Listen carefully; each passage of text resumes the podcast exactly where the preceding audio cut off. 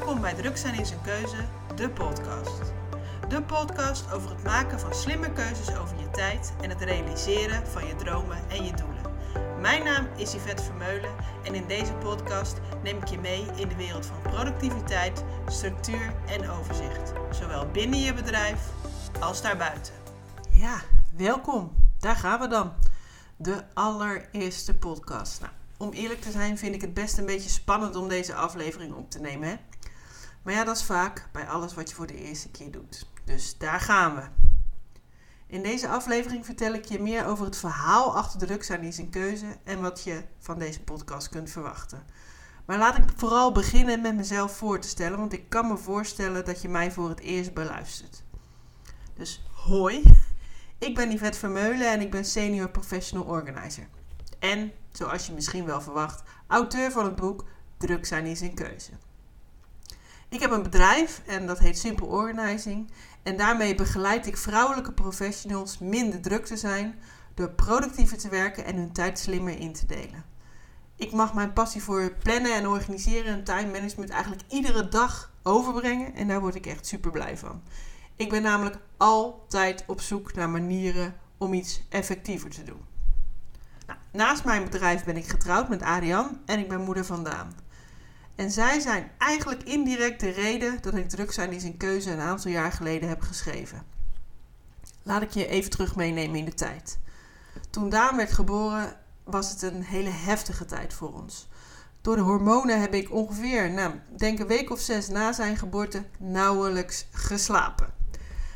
En net voordat ik weer aan het werk moest, ik werkte destijds fulltime als consultant, uh, lukte het mij om de slaap weer te vatten. Maar ja, door die enorme slaapachterstand was ik een beetje aan het einde van mijn energie. Maar ja, ik was nog geen week weer aan het werk of mijn schoonvader overleed plotseling. En hierdoor kregen wij als gezin de zorg voor mijn schoonmoeder er ook nog eens bij. Een schoonmoeder waarbij vlak daarna aangezichtskanker werd geconstateerd. En we waren dus niet alleen van het ene op het andere moment jonge ouders met een fulltime baan, maar ook nog eens mantelzorgen voor iemand met een ernstige ziekte. Dus niks bijkomen van het niet slapen, doorpakken en de schouders eronder. En dat kenmerkte mij ook wel een beetje. Maar ondanks dat een behoorlijk pittige tijd, waarbij wij ondanks alles ontstaande hielden en zelfs de tijd vonden om alles te verwerken en even bij te komen.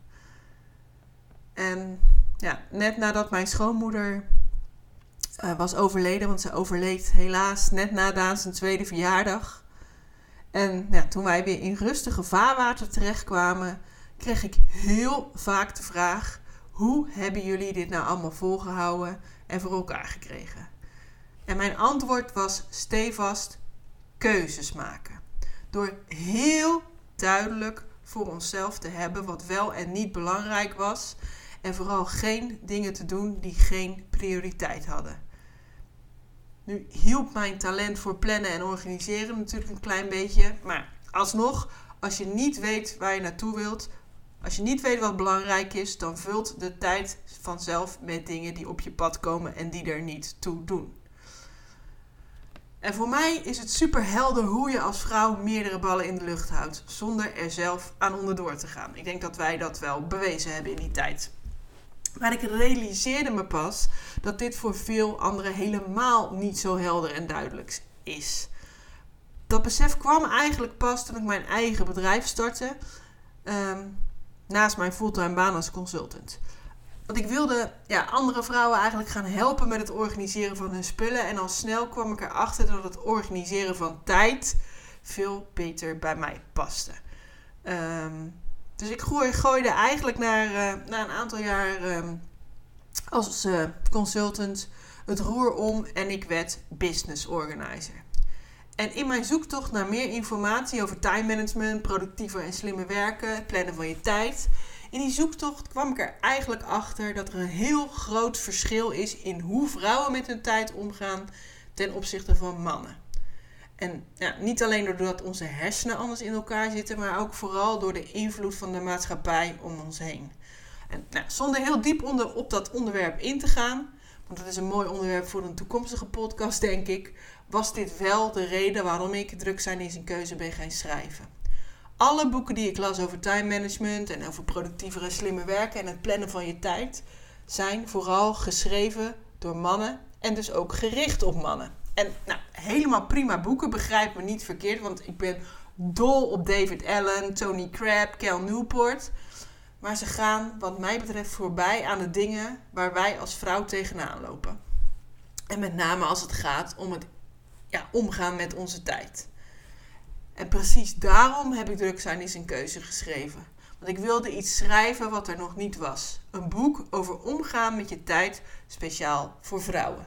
Vrouwen die meerdere ballen in de lucht houden, met een eigen bedrijf, maar ook zonder. Nou, het boek heb ik alweer een tijdje geleden geschreven. Maar uitgepraat over dit onderwerp ben ik nog lang niet. En omdat ik een grote voorliefde heb voor muziek en radio. Ik ben met een parttime radio-dj getrouwd. En omdat ik dol ben op het luisteren van podcast, nou, vond ik het super leuk om het boek door te zetten in een podcast. Dus in deze podcast komen dezelfde onderwerpen voor als in het boek. En we gaan in op onderwerpen als productiviteit en plannen. Met als doel jou helpen met het maken van slimme keuzes over je tijd en het realiseren van jouw dromen en doelen. Ik maak deze podcast voor ondernemende vrouwen in het breedste zin van het woord. Dus ben jij geen ondernemer, maar heb je wel meerdere ballen om in de lucht te houden, dan is deze podcast ook zeker voor jou.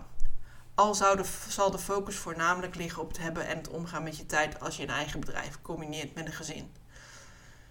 Deze podcast verschijnt in ieder geval eens per twee weken op vrijdag, maar soms meer.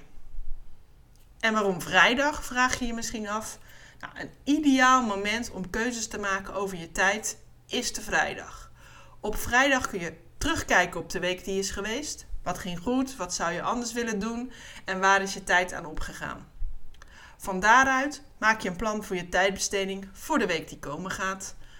Nou, aangevuld met tips en tricks uit mijn podcast van die week.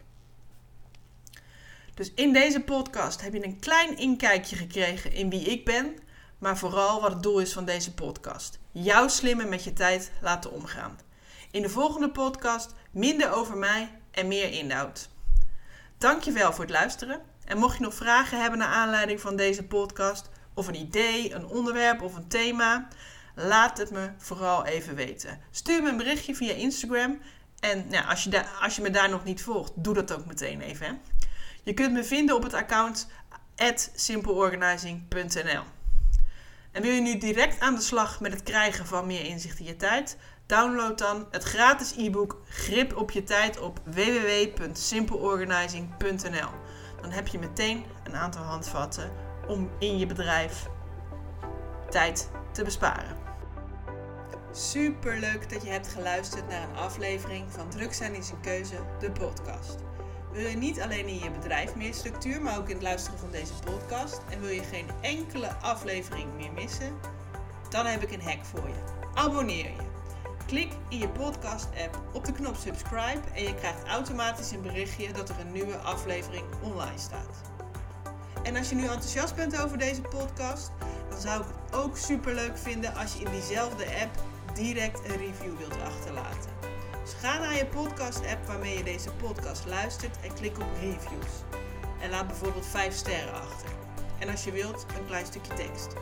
Hiermee maak jij het mogelijk dat deze podcast zoveel mogelijk mensen bereikt. En tot slot, het boek zijn deze keuze vind je het gemakkelijkst via de digitale boekhandel. En om het bestelproces helemaal gemakkelijk te maken, vind je een bestelling in de show notes bij deze podcast. Dat is het stukje tekst hieronder. Nogmaals dank voor het luisteren en ik zie je snel!